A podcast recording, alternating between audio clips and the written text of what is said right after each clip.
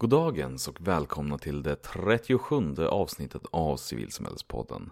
Mitt namn är Charles Metzma och jag är verksamhetschef för Sveriges Blåbandsungdom. Men här i podden så representerar jag som vanligt mig själv. I slutet av avsnittet så kommer det som vanligt lite snickesnack om allt möjligt, men nu, vignett. Sverige är ett land som är byggt utav folkrörelser. Och vi vill lyfta fram de unga kandidaterna till styrelsen. Om en grupp av människor har en gemensam intresse, då kan de bilda en förening. Det är en gryende folkrörelse. Idag sitter jag här tillsammans med Annika Andersson som är utbildningsansvarig på CAN, alltså Centralförbundet för alkohol och narkotikaupplysning. Fick jag rätt? I alla fall ett tag till är det. Ja, stämmer bra. Eh, hur eh, är du redo? Jag tror det. Ja, men då kör vi väl rakt av. Lätt. Eh, och första frågan blir då som vanligt, hur blev du en engagerad människa? Ja, vart, vart, började det? Ja, kanske... Jo, lite gymnasiet minns jag. När jag skulle rösta första gången. Jag Okej. tror att det var lite så det kanske startade, om det inte startade långt tidigare. Men, men det kändes liksom viktigt det här första Det kändes röstandet. jätteviktigt att jag skulle läsa alla, alla partiprogram. Jag skulle veta vad jag röstade på in i minsta detalj. Jag har ar- varken förr eller senare kunnat så mycket om politik som jag kunde då. Ja. Men i det där väcktes väl något också. Då jag hade en eh, klasskompis som eh, var placerad på ett behandlingshem. Och vi umgicks mycket så började jag fundera på men hur har du det och hur blev det så för dig? Så att där blev jag också intresserad och nyfiken på hur, eh, hur ser det ut för unga som har det jobbigt hemma eller ja, jobbigt. Det, kan, det jobbiga kan ju vara vad som helst. Så där väcktes det något tror jag. Och de tankarna, omsattes de på något sätt i liksom handling eller förbjöd det tankar som då var... Eh, Nej, egentligen så nu är jag ju på gymnasiet fast jag fattar ju att det börjar innan. För jag bestämde mig väldigt tidigt att det jag ska jobba med i mitt liv, jag ska jobba med barn. Det sattes tidigt och jag gick en sån barn och ungdomsinriktning. Så det, det hade jag ju bestämt, att det där skulle jag vara med och bidra så gött jag kunde. Så det var ju redan klart det. Och där, det stärktes ju lite tycker jag. När jag sen, nej men det vill jag göra. Jag vill försöka göra någon skillnad om jag kan. och då låter det ändå som att det här har funnits med dig liksom ganska länge som, som någon slags del av dig bara. Ja men jag hörde det nu när jag sa att, Ja. att så kanske det är. Ja. Ja, men att det är svårt att peka på, du har inte den stunden. Nej, det har jag. liksom Jag har händer. ingen stund. Det är nog bara något som har varit där. Ja. Och eh, har du då tagit dig vidare till ideella organisationer eller har det bara varit eh, yrkesliv? Eh, Nej, det har varit ideell organisation längs vägen. Det var så jag började jobba. Jag började... Nej, det var det väl kanske inte. Det kom ganska snabbt ändå. Så eh, blev jag engagerad i Hassela Solidaritet, som det hette då. Och började intressera... Ja, men det var... Hur kom det sig då? Ja, det var så mycket kritik. Jag blev nyfiken. Jag, var, jag vet inte om jag var vart jag var och läste då, men det var i alla fall väldigt mycket kritik och då skulle jag skriva någon, någonting i skolan om behandling. Det var nog så jag var intresserad. Och så läste jag en jätte, jätte stark kritisk bok mot dem som organisation. Och så ville jag också f- försöka få någon slags, ja men hur är det egentligen? För det fanns då, där jag bodde, så fanns det ett behandlingshem. Så åkte jag dit och hälsade på och var väldigt orolig för, hur, vad är detta? Vad gör de med de unga här? Så på den vägen var det nog. Så då engagerade jag mig senare i Hassela och var med där väldigt länge. Och mötte, så som jag såg det, så många engagerade människor. Som drevs av att eh, göra något bra för de unga de mötte. Och det var jag alldeles, blev jag alldeles tagen av, deras engagemang. just för andra människor. Ja, Och jag kommer ihåg tidigare när vi pratade så nämnde du någonting om en teater och andra sådana saker också. Ja, då fick jag också vara med och eh, skapa en teater tillsammans med de unga som var placerade av olika skäl på olika Hassela kollektiv runt om i Sverige. så träffades vi på Gotland och satte ihop den. Baserat på de ungas livserfarenheter. Och det var ju en helt otrolig sak att vara med om. Vi åkte på turné i Sverige och även Europa.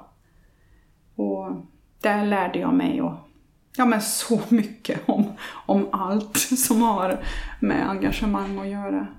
Det var fantastiskt. Ja, och har det liksom varit, eh, har det funnits som alltså ANT-frågor som det brukar kallas, alkohol, narkotika och tobak, har det liksom varit den röda tråden eller har det varit andra grejer också? Nej, det har nog varit den röda tråden, Ja. det får jag nog säga. För det här är ju ändå, nu pratar vi väl kanske snart 20 år sedan. och sen har jag ju jobbat med ANDT sedan dess. Ja. Fast på ett annat, en, haft en annan eh, plattform. Just då här på CON. Ja, jag har jobbat här länge.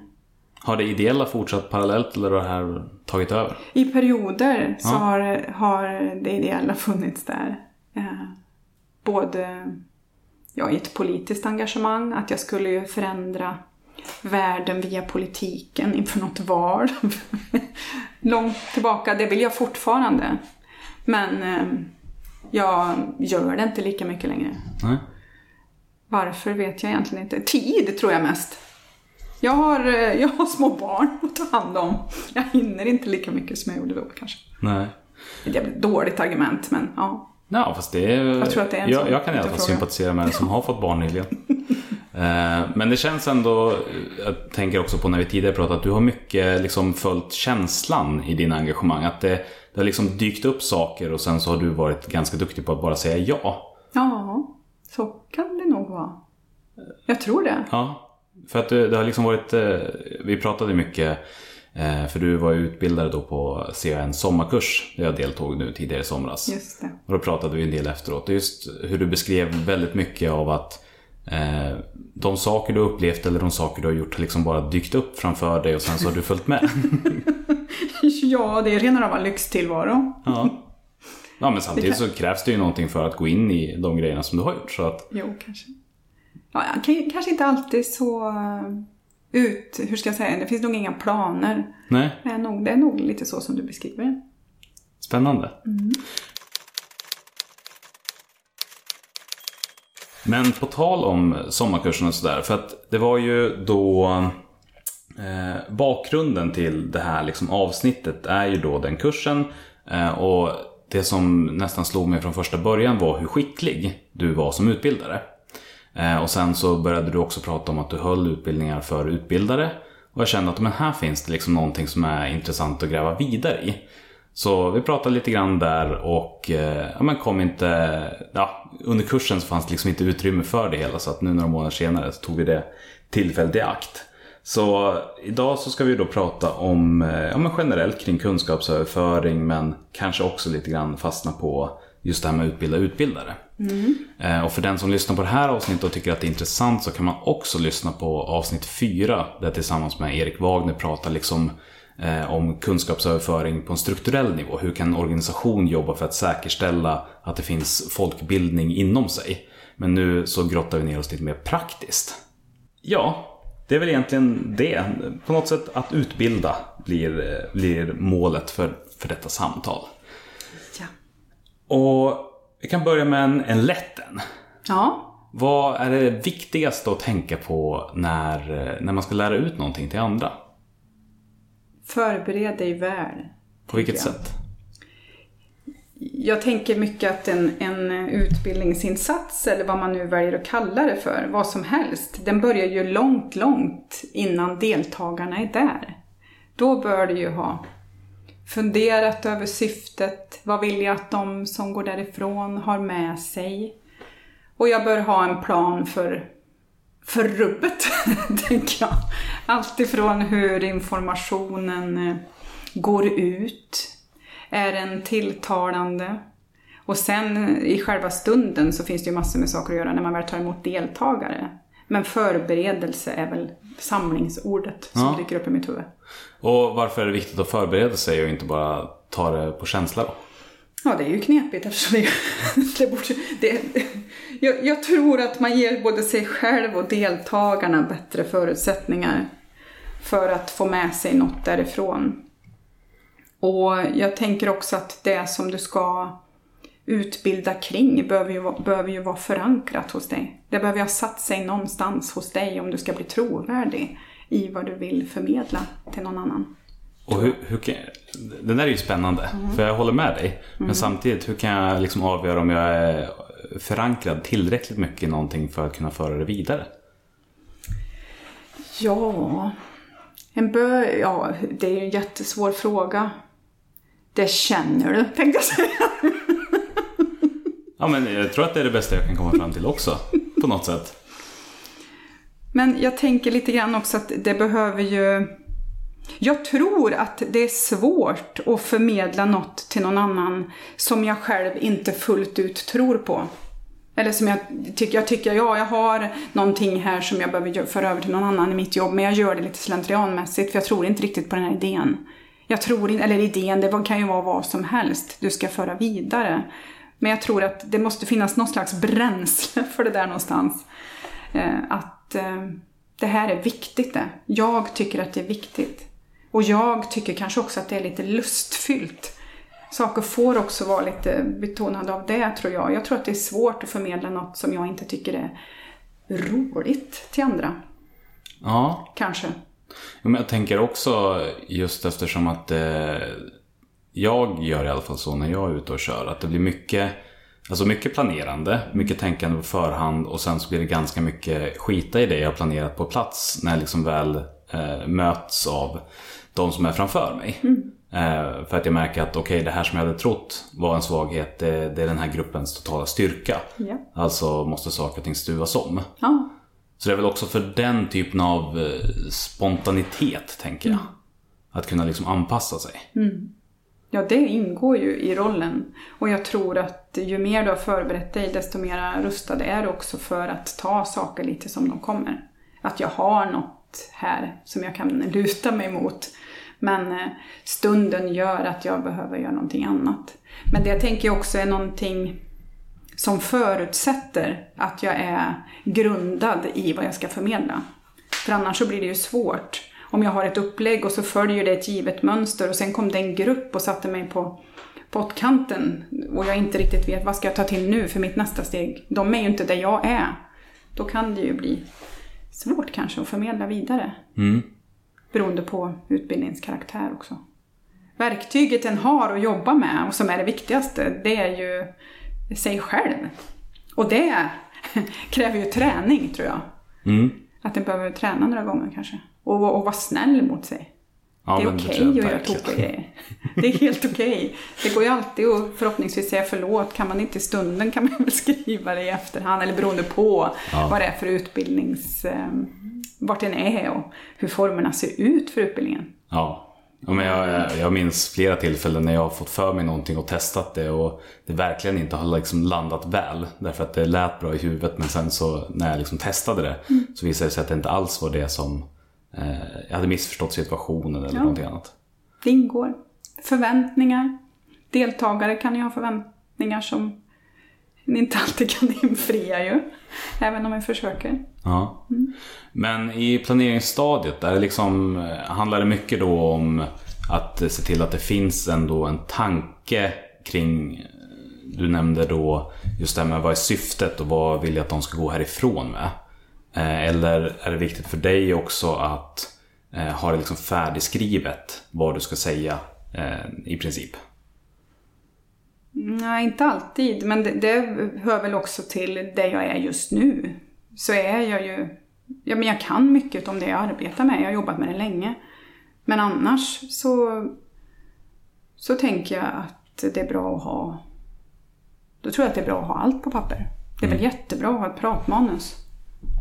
Men, eh, men blir det inte tokigt då om, eh, om man är bunden till, jag tänker ur den här flexibilitetsgrejen? Jag, jag, jag, nu kommer jag ju till en sån här utbilda utbildare som vi håller på med ibland. Ja. Att där brukar mitt råd vara att inledningsvis när du gör något för de första gången eller vad det nu må vara, då kanske det inte gör något heller att hålla sig i pappret lite. Om man nu väljer att kalla ett manus för det. Det är helt okej det. Och sen ju tryggare jag blir i det så kan jag kanske improvisera mer eller vara mer flexibel. Men det är ju helt fine att ha en agenda på papper, att det här ska vi göra idag. Det här är det som de ska ha med sig härifrån. Oftast är det ju något konkret som, som man vill få ut av dagen, när syftet är tydligt. Ja. Det bör det ju vara. Vi bör ju veta, deltagarna bör ju veta varför är vi här? Vad ska vi göra? Och det bör ju den som ger utbildningen också veta, tänker jag. Jo men så blir det ju. eh, och, men jag stöter ofta på liksom att det nästan finns någon slags förväntan att det här eh, allmänflytande ska vara första steget. Att det alltid, liksom, så fort jag ska hålla i någonting, då måste jag vara så pass väl påläst och så inkörd att det liksom nästan kan ta vad som helst som en kastas på mig. Eh, Eh, men det är en ganska svår förväntan att leva upp till. Ja, det tycker jag nog att det är. Det är jätte, jättesvårt. För jag tänker att det handlar om så många olika saker, en utbildning. Det är ju, du, ska, du ska ju ha koll på din grupp. Du ska ha koll på ditt ämne. Du ska ha koll på dig själv. Och du ska också ha, ha koll på omgivningen. Alla de här eh, har ju betydelse för hur utfallet blir, eller vad jag ska säga. Och när du säger ha koll på, eh, om vi... Ja, det var ju ot- Nej, men vi spetsar upp dem lite grann. Eh, vad, vad innebär det till exempel att då ha koll på gruppen? Det är bra om man känner till så mycket som möjligt innan. Vad finns det för förkunskaper? Och förväntningar.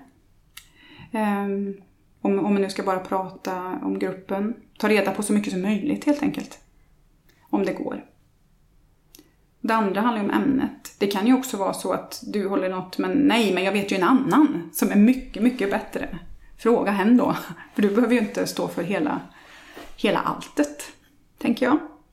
Om det är ett längre pass så att man Ja. tar in någon Ja, specifik. plocka på. Det finns ju hur många bra, bra som helst om allt möjligt, tänker jag. Kring allt möjligt. Och när det gäller dig själv, då, ja, men då är det ju allt. Hur ska jag hantera deltagare som kanske är lite besvärliga? Det ingår. Det kan ju finnas människor som pratar hela tiden så vi kommer inte vidare. Hur gör jag då? Eh, För du får ju inte vara oförskämd mot någon. Men hur gör jag då? Det finns det massor med knep kring. Som? Det tar vi, det tar vi på, på nästa. Men har du något sånt här, eh, så som du brukar göra, om du får någon i din grupp när du är ute och kör som, som liksom försöker ta över showen. Mm. Vad, hur hanterar du det? Jag brukar hantera det med en jättestor portion ödmjukhet och också väldigt mycket vänlighet. Att eh, om det nu är någon som kan mycket om ämnet och kanske vill eh, visa eller berätta det för gruppen, det kan, så kan det ju vara ibland. Så kanske jag vänligt kan säga, jag hör att du kan jättemycket om det här, det tar jag jättegärna del av, men vi behöver också komma vidare fram till fikat eller vad det nu kan vara. Skulle det vara okej för dig om vi fortsatte med diskussionen i en paus? Eller ja, det finns ju många sätt att bemöta det på. Men bemötande tror jag också är väldigt viktigt. Att oavsett vilken situation du står i så får du ju som ledare för en utbildning eller i ett rum aldrig vara liksom respektlös eller dum mot någon. Det får den inte vara. Hur pressad den än känner sig. Och det kan ju vara jobbigt och svårt. Det är jag ju fullt medveten om. Att ibland kan du ju tänka, men kan inte du bara sätta dig ner och vara tyst? Men så kan jag inte säga.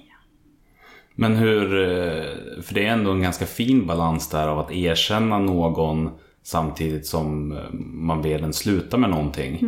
Och jag tänker att det, jag har i alla fall den tendensen att falla ner i att, att bli sarkastisk. Ja. Om jag inte tänker efter väldigt noga på liksom, vad jag säger i sådana situationer. Så, ja, du kan jättemycket men kan vi snälla nu, vi är ju faktiskt andra här också. Ja. ja. Vad, vad gör du för att eh, stålsätta dig då och faktiskt bemöta människan på det sätt som, som den förtjänar? Och inte förtjänar i liksom som att sätta dit den utan eh, ja, men i det här respektfulla. Ja, vad, hur gör jag? Nej, men jag gör nog bara lite försiktigt så som jag sa. Jag har en mängd olika, för, eller hur ska jag säga? Jag försöker väl sätta ord på det som sker. Men tänka vad jag har för ton. Och också tänka att låt nu inte min egen... För, för det är lätt att bli osäker också i en sån situation oavsett hur länge man har hållit på med saker. Så vill en ju, det vill en ju alltid. Eller inte alltid, det kanske inte alla vill. Men, men det mest eh, härliga är ju om du står inför en grupp och känner att wow, vad kul! Här är alla 20 med. Eller beroende på hur många du har framför dig. Det är ju alltså eftersträvansvärt, tänker jag. Men det är ju inte så, så ofta så, så kanske. Och då inte försöka heller fastna i det och bli, börja tvivla själv att det här kanske inte är tillräckligt intressant. För nu verkar vi ändå... Ja. Nej, jag har inget bra konkret. Jag Nej. tror att försök bara och, eh, att inte låta det ta överhanden då. Använda gruppen också. Kan ju vara jätte, jätteeffektivt. På vilket sätt? Man kan ställa frågor. Vad tycker ni andra skulle, ja, man kan ju använda den. Men det blir ju samma, det blir samma problematik hela tiden. Balansgången blir ju att inte få någon att känna sig utsatt på något vis. Och den är också så knepig eftersom att eh, alla människor reagerar olika på olika typer av tillsägningar. Oh ja, oh ja. Du ska ju helst försöka att inte få det att låta som en tillsägelse, tänker Ja. jag. På något härligt vis. Jag eh, använder ju också väldigt mycket... ja. Jag avväpnar nog rätt mycket med, med skratt, ja, tror jag. Att jag tror att jag mm, skämtar, eller inte skämtar, det går inte att skämta bort det. Men ibland funkar ju det också. Att humor kan ju vara en, en, en sak att ta till. Om man har satt den stämningen från början. Att kommer ni ihåg? Det kan ju vara ett annat konkret faktiskt. Att det kan man ju tycka är lite så här barnsligt att hålla på med bland vuxna. Vi borde väl ändå veta bättre. Men så här, prata igenom beroende på hur lång utbildningen är. Hur vill vi att, hur ska vi ha det? Vad tycker ni, är- vad är viktigt för er under de här dagarna? Och då kommer det ju saker som människor tycker är viktiga. Jag vill kunna prata till punkt. Det är gött att inte bli avbruten. Jag skulle också vilja att det kanske inte plingar här i rummet hela tiden. Då har man ju gått igenom det. Då kan man också hänvisa till det om man tycker att nej, men nu funkar inte mina fina avväpningstekniker. Då kan jag kanske ta till det. Då vill jag bara påminna om att det här. Och jag tänker att också metoden blir ju väldigt eh, varierande beroende på längden. Naturligtvis. För att har man några dagar på sig så är det ju underbart att Ja. liksom, kunna sätta den stämningen långsiktigt. Oh ja. Men, eh, men i en situation där, man säger att man har två till fyra timmar tillsammans. Mm, det är lite svårare. Då, då brukar i alla fall jag vara lite mer brysk. Kan det vara. Så här, nu går vi vidare. Och det brukar man ju också få ganska mycket, vad, he, vad heter det? Gehör. Medhåll och gehör för. Naturligtvis. Men, men, men det blir, jag håller med dig att det är svårt för jag har också funderat ganska mycket på det här. Eh, just eftersom att det är så svårt att sätta ord på det. Mm, det är för, att, svårt. för att jag upplever att så mycket av det här bygger på någon slags känsla som kommer av mycket erfarenhet. Alltså av att ha gjort det här ganska mycket så blir det, jag får en känsla för ungefär vem är det som står framför mig. Jag känner in och så här, "Ja, men antagligen kommer det här att funka. För att det funkade ju på den och den förut. Ja, så kan det ju naturligtvis vara. Att den har gjort det några gånger och märker att det, det där går inte hem, det kan jag aldrig, det kan jag aldrig mer testa. Eller något annat sätt. Ja. Sen tänker jag ju också det här, när jag pratar om det här med omgivningen och dig själv, det är också viktigt att du lägger någon ton ju. När du hälsar människor välkomna, oavsett om det är fyra timmar eller två dagar, så sätter du ju an något där. Om du möter människor och säger hej, välkommen, vad kul. Ja, du, jag tror också att du, du ger ju något eh, genom hela din uppenbarelse i hur du introducerar dig själv och så. Mm. Men det här är ju, är ju, så, är ju så svårt. Ja men det är ju ett flummigt ämne, alltså på så sätt. Men, men jag tänker också just kring det där med att sätta tonen. Vad, Vilka steg gör du väldigt medvetet varje gång? Du konkret hälsar på alla och har mycket energi. Ja, om det liksom- inte är flera hundra såklart Ja. så hälsar jag på alla. Det är viktigt. Att deltagarna också väldigt tidigt får prata tycker jag är viktigt. Eh, beskriver, ja men, tar, tar tid till eh, presentation både av det här är syftet, hit ska vi. Ta en liten stund till det. Och sen också lägga, lägga en stund på det viktigaste. De som är i rummet, vilka är det? Så. Och typ presentera sig själv lite grann vad man tänker att man vill få ut av det hela. Ja, det kan man ju leka med på en Ja. mängd olika vis. Men eh, göra någonting så att man får känna att ja, men, nu har jag också fått säga hej, hej, hej Babriba. Och så, för då tycker jag att det blir lättare sen. Om, om det drar igång och så får de inte öppna munnen och uttrycka något förrän framåt tre dag ett, då, eller 15 dag ett, då tror jag att det blir svårare. Jag tror mycket på interaktion överhuvudtaget. Det ska ni inte vara rädd för.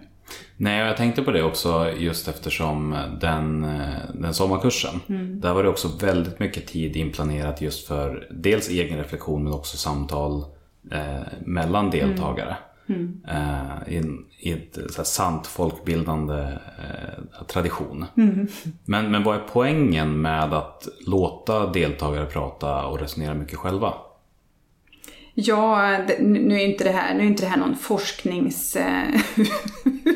uttalande jag gör. Nej, men utifrån din erfarenhet. Men jag kan ändå känna lite att åtminstone det som de deltagare har uttryckt är att när du får möjlighet att reflektera lite över, prata med någon annan om vad, jag, vad, jag, vad var jag just nu med om? Så, så sitter det, man får med sig det lite längre. Ehm, Det är lättare att eh, få det på plats. Alltså jag, jag tänker att hjärnan orkar inte med hur mycket som helst. Eh, Och att då ha en mängd olika presentationer utan att ens få vad var jag, ja, men göra en del sin egen reflektion men också med andra. Jag tror att det är gött, helt enkelt. Men just för att lärandet ska sätta sig. Ja, jag tror att det är bra att få göra det. Jag tror också att det är bra att få ja, upprepa är bra. För minnet om inte annat. Du kan inte komma ihåg. Eller vad, vad var det som var behållningen för mig i det här jag hörde nu? Är det här något jag kan ha användning för när jag går härifrån? Och i så fall vad? Jag tror ju inte på att vi ska liksom mata på med så mycket som möjligt under så kort tid. Och sen eh, så tycker vi att vi är nöjda. Vad bra, nu hann vi med 11 presentationer istället för... Nu vet jag inte, vi gör väl inte så, så mycket nu för tiden generellt. Jag hoppas att vi slutar med det här, men det förekommer ju ibland. Tycker jag. Men jag tänker också att eh, det finns någonting fantastiskt i det som ändå är att eh, det tvingar deltagaren till att säga någonting. Ja. I alla fall om det inte körs i helgrupp. För där kan det ju vara en lite mer pressande situation. Men Mm. just det här att, okej, här måste jag säga någonting. Alltså måste jag tänka på vad jag har hört. Alltså, och sen Mm. bara genom att sätta sig i den situationen att inte framstå som att man inte har lyssnat. Så blir det också att du lyssnar lite mer på nästa pass. Mm. För att det kommer ju behöva komma, det kommer komma en stund när jag måste säga någonting. Ja, och det är väl bra att man har uttalat det innan också. ja. Så det inte kommer som en överraskning. Men, eh, men annars liksom för den här tonen och rummet. Eh, hur, vilken energi är det du går in med? Alltså går du in med en energinivå som känns som att ja, men det, här är, det här är lagom kul, det här är så som jag känner att det är. Eller skruvar du upp dig själv liksom några nivåer? Oj, det här borde ju mina kollegor ha svarat på eller någon annan. Du kanske? Nej, men jag, jag, jag, jag tänker att det säkert är lite uppskruvat ändå. Eh, inte så mycket tror jag i eh, det verbala. Det tror jag är ganska samma. Det är nog ganska lugnt. Men jag, men jag Åtminstone har jag fått höra det. Att, att det är väldigt mycket energi som förmedlas.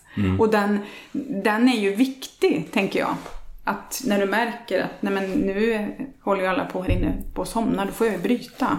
Då får jag ju hitta på något annat. Eller ta en paus, eller nu tar vi en promenad, eller nu gör vi den här övningen, eller vad det nu må vara. Men energin tycker jag är jätte, jätteviktig.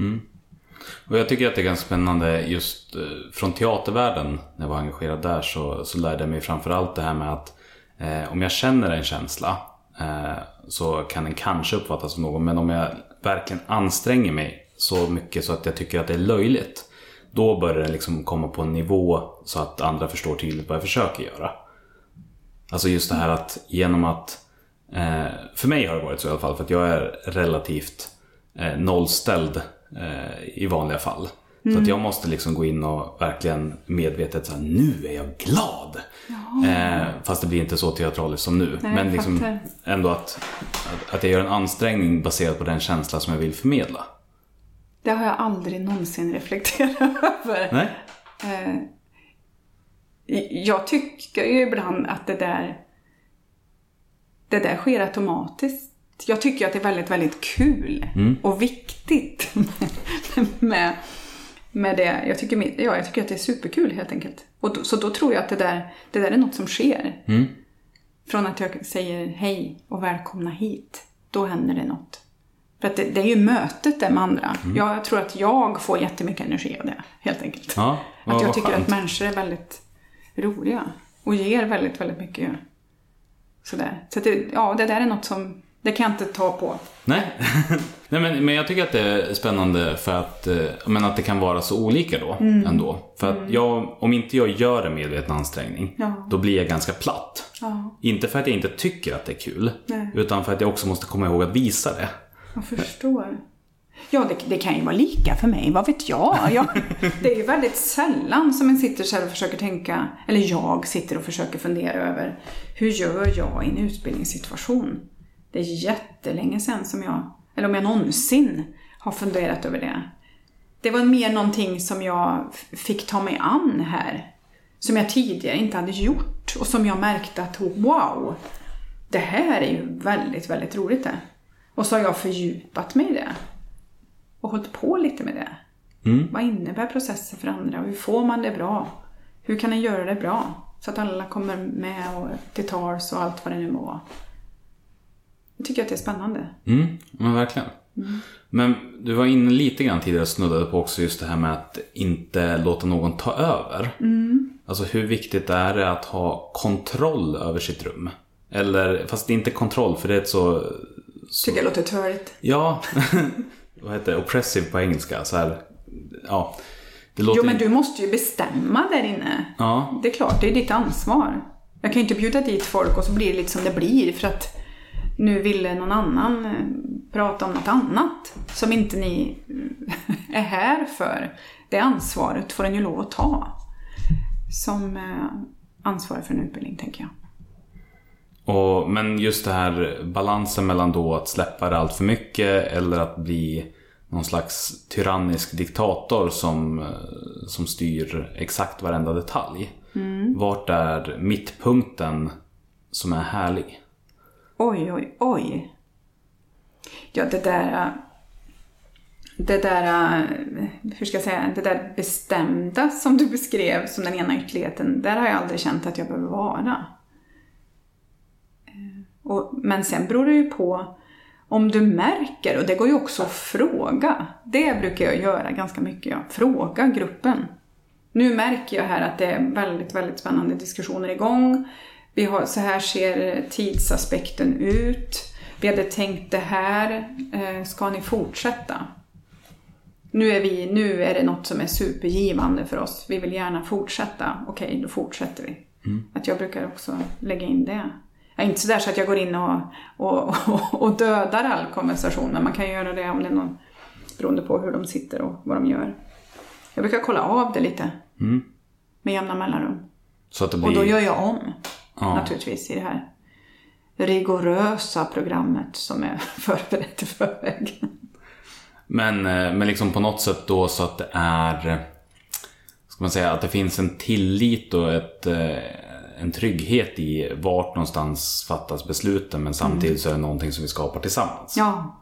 Och det brukar jag också säga beroende på längden eh, och ja, vad det är för någon. Så brukar jag också säga. Jag kommer också ta ansvar för tiden.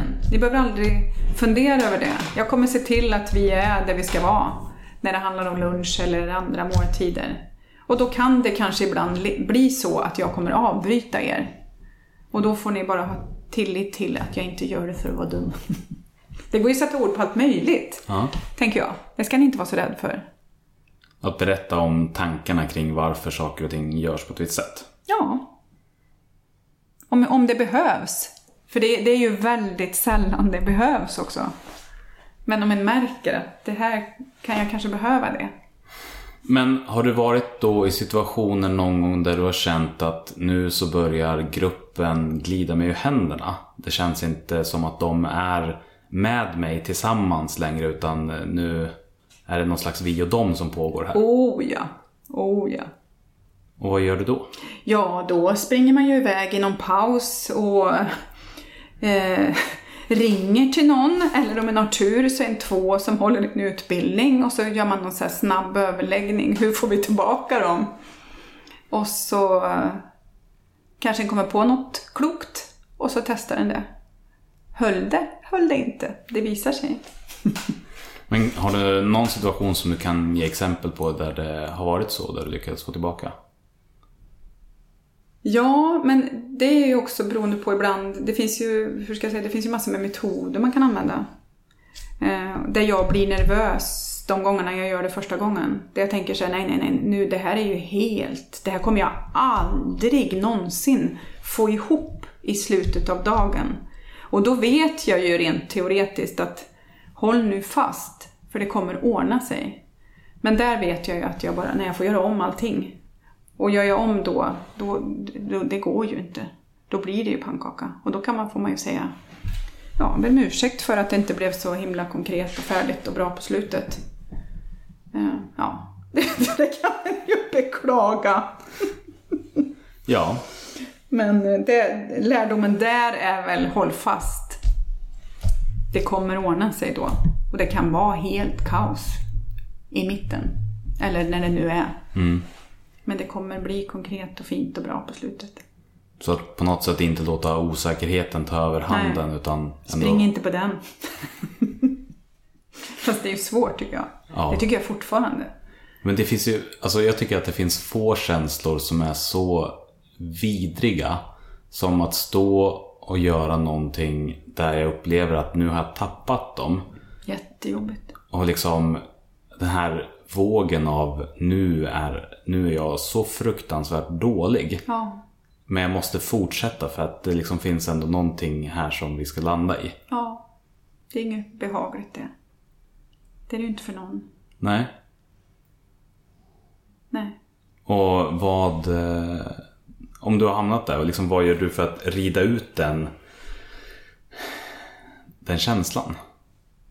Ja, men är, det är inte alltid att jag har ridit ut det. Utan jag har ju gått därifrån och tänkt, nej. Vad ska jag göra? Ska jag, ska jag skriva något till allihop att förlåt mig? Eller att jag tog er tid? Eller hur gör jag nu? Men då har det ändå kommit utvärderingar där det inte har varit riktigt så eh, bedrövligt som jag trodde. Nej. Det kan ju också vara något att ha med sig ibland. Att när en själv känner att det här är ju något. Det kanske inte är så illa alltid heller. Nej. Nej, för den har jag varit med om också. Just det här att jag trodde att nu har det här var det sämsta jag någonsin har gjort. Det här, jag kommer bli shanghajad i bästa fall. Och sen så kommer folk och säger nej men det här var superkul. Det här var det bästa liksom, jag varit med om. Eh, just för att, men det är det som jag tycker är spännande också. Att det är så svårt att ändå läsa ett rum. Ja, det är svårt. Att, och att det går att tolka det så fel. Att den som ser ointresserad ut kanske bara tänker väldigt intensivt. Ja, det går ju inte att, det går inte att se på en annan människa vad som rör sig där inne. Det går ju aldrig, Nej. tänker jag. Vad eh, tänker du är den största skillnaden på att ha en stor grupp och en liten grupp? Ja, hur gör jag? Jag tror att jag... Jag rör mig mer när det är en liten grupp. I rummet, tror jag. För att, Rent fysiskt. Nej, men jag glider runt där och bekantar mig lite. Det gör jag inte lika mycket om det är en stor grupp. För då blir jag mer medveten om så att jag inte ska säga... Ja, det brukar heller inte vara samma möjlighet till det. Ehm, vad gör jag? Jag vet inte om jag... eller vilka är de största skillnaderna som du ser? I en liten grupp, där sätter jag ju namnen ganska omedelbart. Och tycker att sånt är... Då hamnar vi mer där. För en större grupp så blir det ju en mer generell nivå naturligtvis. Jag kan inte, jag kommer inte ihåg. jag vet inte alla. Man får jobba på lite olika vis ju rent gruppmässigt om man vill ha med sig dem. Så får man ju olika tekniker när det är, stor, när det är många. Om en vill eller ha någon slags eh, interaktiv. Det finns ju det finns ju mycket fräna grejer man kan använda nu för tiden ju. Som? Mentometer eller vad det nu heter. Nej, inte vet jag. Jag brukar sällan göra det. Jag kör oftast handuppräckning.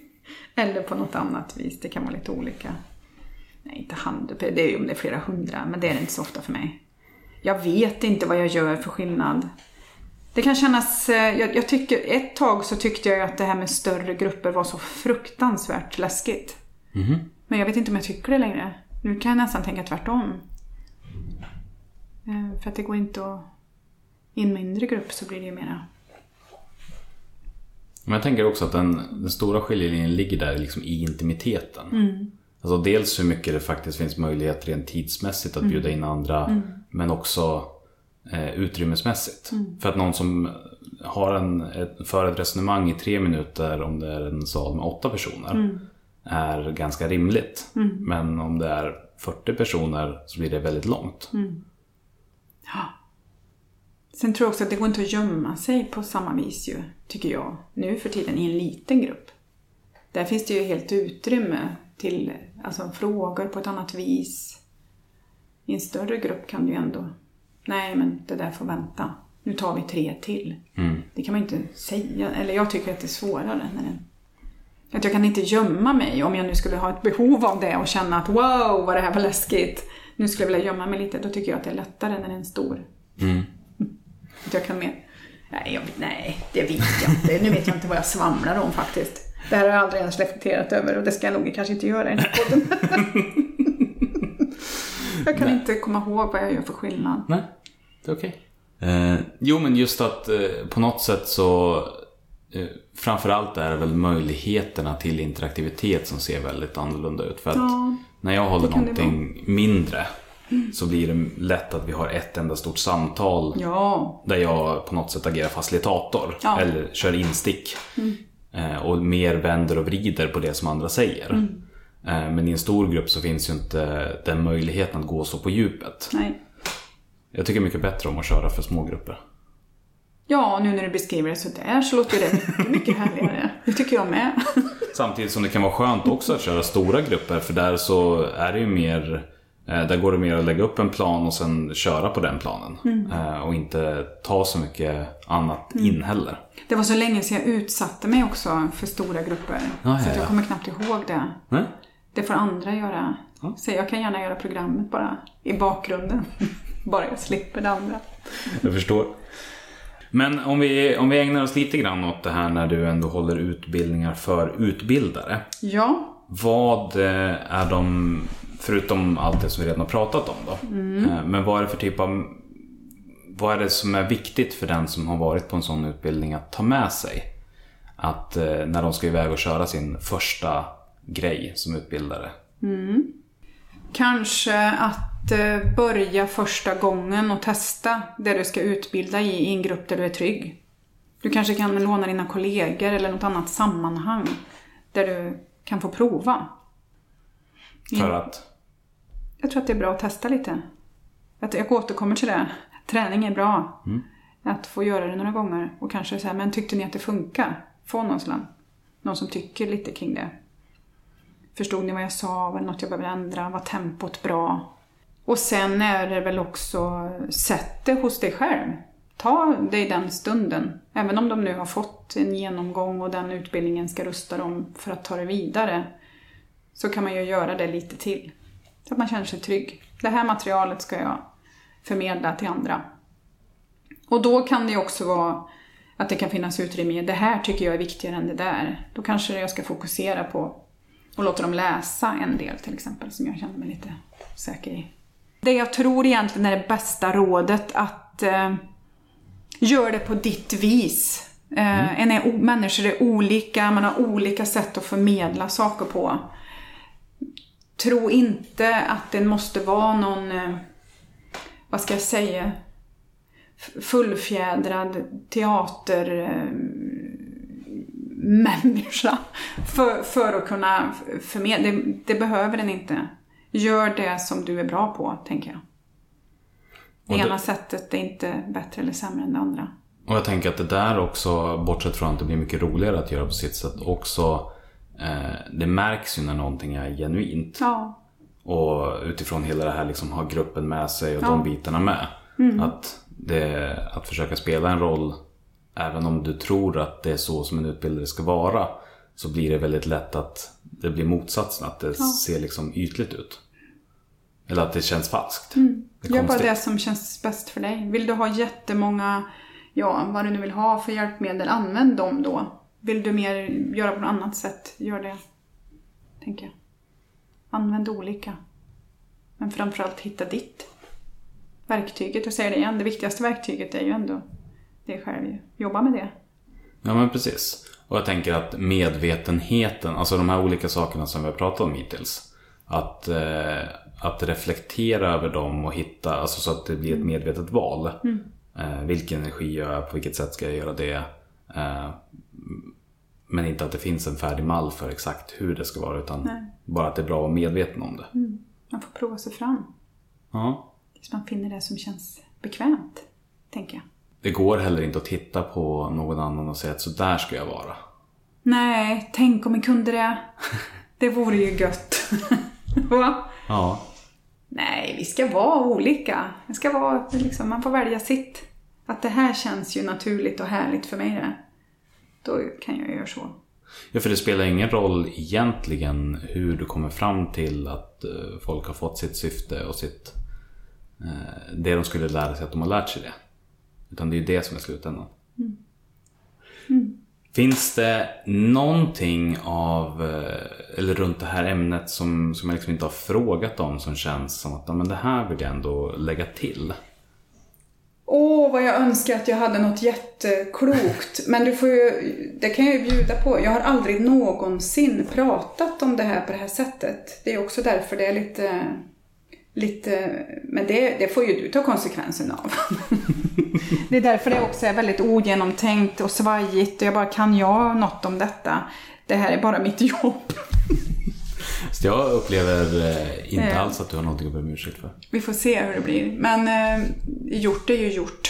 Men eh, ja, nej, jag, jag, jag tror att det, ja, det får vara de här grejerna. Jag, jag tycker att eh, en stor portion ödmjukhet tycker jag alltid är bra att ha. Generellt. Att eh, en möter människor och att också gå in och vara lite intresserad av människorna som är där gör ju, alltså då får man ju mycket med sig också tror jag. Alltså och på vilket sätt är du intresserad av människor? Annat än som förhållningssätt. Nej men sådär, okej om det är en utbildning i mitt fall som eh, har något, något specifikt tema så kan det ju vara så här, men oj, eh, vad är din ingång? Har du utbildat tidigare? Att man kanske kan ha någonting i utbildningen som är Wow, det här har jag gjort förut. Ja men bjussa på det. Du får tre minuter. Du får, ja, inte vet jag. Det kan ju hända saker under tiden. Oftast så finns det ju grym kompetens i det rum man kliver in i. Eh, Man måste ju inte alltid hålla låda själv, tänker jag. Det kan andra göra lika bra. Och bättre. Och det tycker jag låter som, som en perfekt avrundning. Eh, Så vi rullar över på de två sista frågorna. Yes! Och där ska du då berätta om någonting som du har gjort som du är stolt över.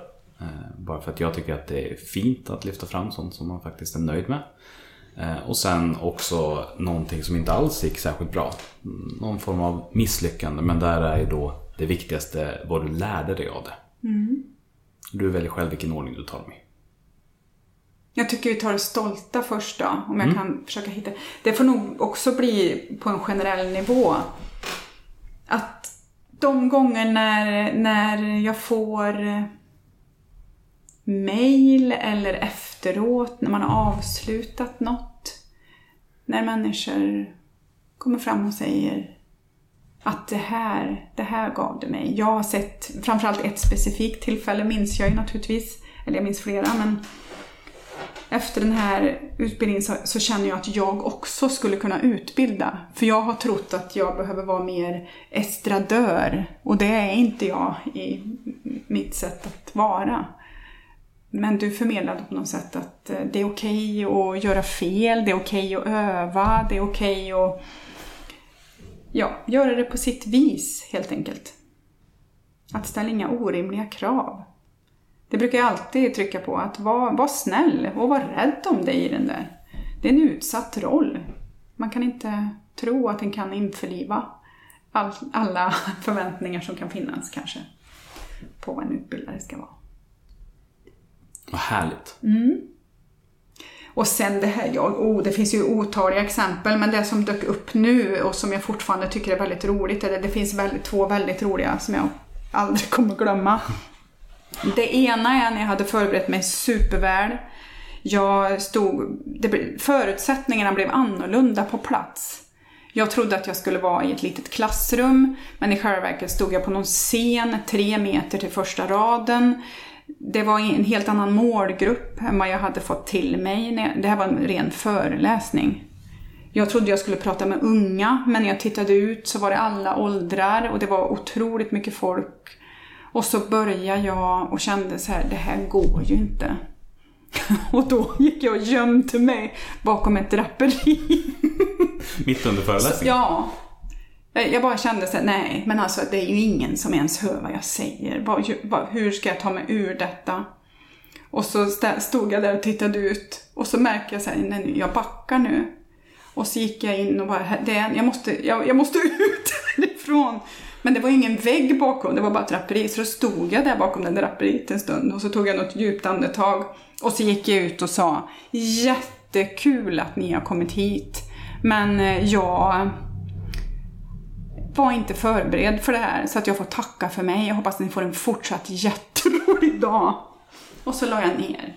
Ja. Och så gick jag hem med en klump i magen och tänkte det här gör jag aldrig mer i hela mitt liv. Det är det ena. Det andra var ju... Men, men vad var det som gjorde att du sen gjorde det någon gång igen? Alltså hur bearbetade du det? Den Nej men det där ältade jag med, med alla som ville lyssna. Ja. Och sen eh, hade jag väl ältat klart då. Och så fick jag utsätta mig igen. Efter ett tag. Ja. Men då gick det inte heller något bra. För det här är ju det här är händelser som ligger ganska nära tid. Då var jag också på någon sån här och var så nöjd. Jag älskar färger. Jag hade gjort en så rolig powerpoint. Det var ju väldigt länge sedan ska jag säga till mitt försvar. Så fin och så glada färger och så var det flera hundra i lokalen och så drog jag igång och jag kände så här: wow vad det här ska bli kul. Jag var så väl förberedd. Då är det en längst bak som räcker upp handen och säger den är säkert jättefin. De, det är jättefina bilder. Men vi ser ingenting för färgsättningen är... Ja, vi kan helt enkelt inte se vad det står på dina bilder. Då blev jag också så här, från att ha stått där och vara såhär wow, nu ni! Så var jag såhär, nu vet inte jag vad jag ska göra. Så jag gick och stängde av datorn och släckte ner det och bara, nu ska jag berätta lite olika grejer er. Så det gick ju ändå, jag stod ju kvar. Jag sprang inte och gömde mig. Det fanns inte heller något draperi.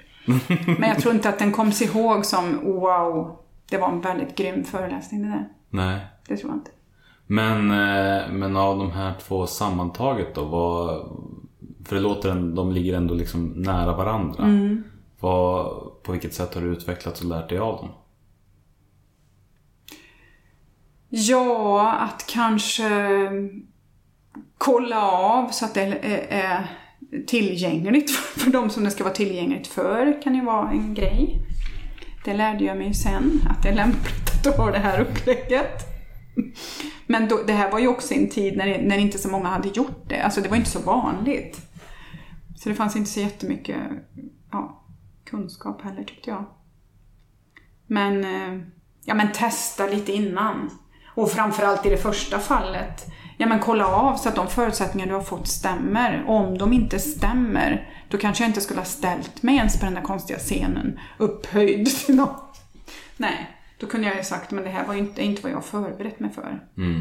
Spela en skiva istället, eller göra något annat. Eller spela en skiva, det gör man inte nu för tiden. Men, men då gjorde jag det. Ja. Vi dansar ett tag, eller vi gör vad som helst. Men inte det här. Nej. Det tror jag att jag är lite så tryggare i. Att kunna också stå upp för, men vänta. Det här kan inte jag eh, infria. För ni sa något annat till mig.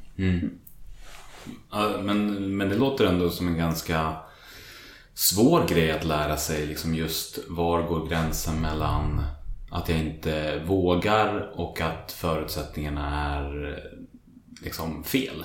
Eller för det upplägget. Alltså jag tänker bort den balansen mellan jag vet inte hur jag ska uttrycka det riktigt men, men just att att någonting känns svårt eller att det är eh, objektivt just det, svårt. Just det, ja. Ja, det vet jag. Men det kanske också var att eh, kommunikationen var kanske lite, kanske lite risig. Då får du väl träna på det. Sen nu ska jag göra det här, då vill jag veta de här sakerna. Jag har ju aldrig varit med om det mer än då. Det har aldrig hänt något mer. Då känns det ändå som att du lärde dig det. Ja, att här behöver reda ut ett och annat innan ni tackar ja. Det är det också. Mm. Ja. Det är kanske något jag har lärt mig. Får jag tänka på det lite? Jag har några, jag har några följdfrågor. Istället för det där ja, vad roligt, jag kommer. Det vore ju jättekul. Ja. Men jag brukar alltid göra så när jag får en fråga av något slag så liksom har jag några frågor som jag alltid ställer och Det är sen jätteklokt andra på, liksom, beroende på kontext. Men, men en av dem är ju också liksom, vilken känsla vill ni att deltagarna ska ha? Inte bara vad ska de lära sig eller vad ska de gå därifrån med utan vilken känsla ska de ha? Därför att det är väldigt stor skillnad på att liksom lära ut ett ämne och få folk att känna sig inspirerade kontra att lära sig ett ämne och liksom ha djuplodande kunskap, alltså de ska lämna grubblande. Eh, och liksom det styr ju hela upplägget i sig. Eh, men gör det också väldigt tydligt för mig att veta om jag ska tacka ja eller inte. Därför att jag kommer inte kunna fylla vissa av liksom, eh, förväntningarna. Och just vilken känsla ska de ha är ganska... Jag har kommit fram till att det är en ganska bra grej. Eh, också för att få arrangören att tänka till lite grann. Vad är det egentligen vi vill? Ja. Men då får jag tacka så jättemycket för alla dina klokskaper och det som du har delat med dig av. Tack. Det var ett, ett jättetrevligt samtal tycker jag. Ehm,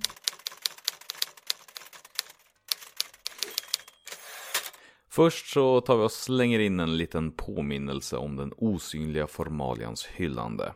Gå in på www.civilsamhallespodden.se för att nominera dina formalia-favoriter och ge dem chansen att vinna ärovördiga priser. Säger man ärovördiga? Ja, ärovärdiga. Eh, ärofyllda priser. Sista dagen att nominera är 31 oktober, men varför vänta? Och idag så tänkte jag prata lite grann om något som jag har kommit till insikt om. Och det är hur, hur liten påverkan jag har i vissa avseenden.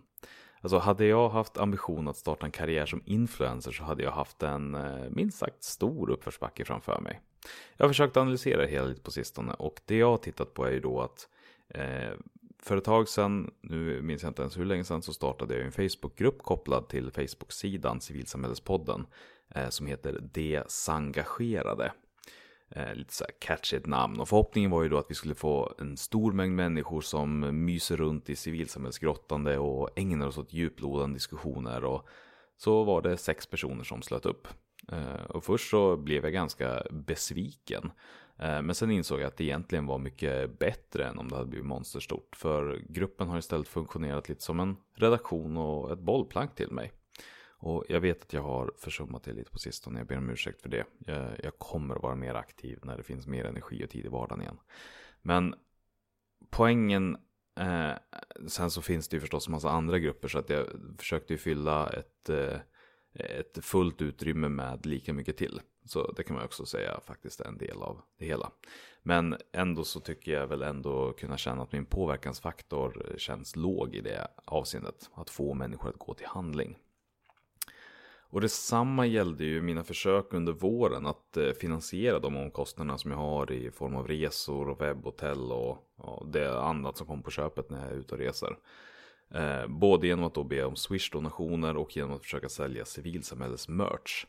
Eh, det förstnämnda fick mig mest att känna mig olustig. Jag vet inte, det är någonting med, jag tycker inte om att be om pengar för någonting som uttryckligen finns tillgängligt utan kostnad som jag gör för min egen skull, eh, för andras skull. Ja.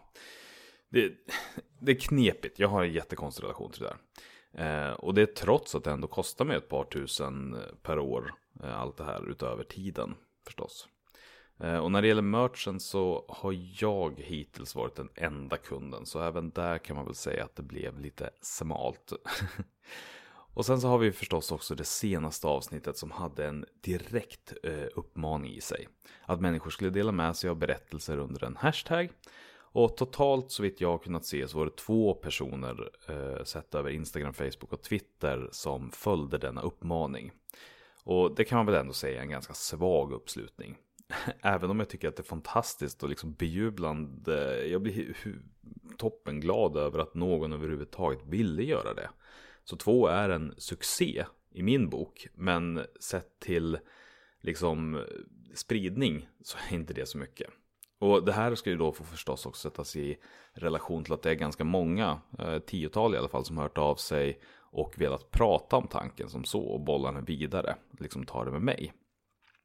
Så jag tänker att det inte var liksom kvaliteten på tanken som avgjorde det utan att min påverkansfaktor var låg.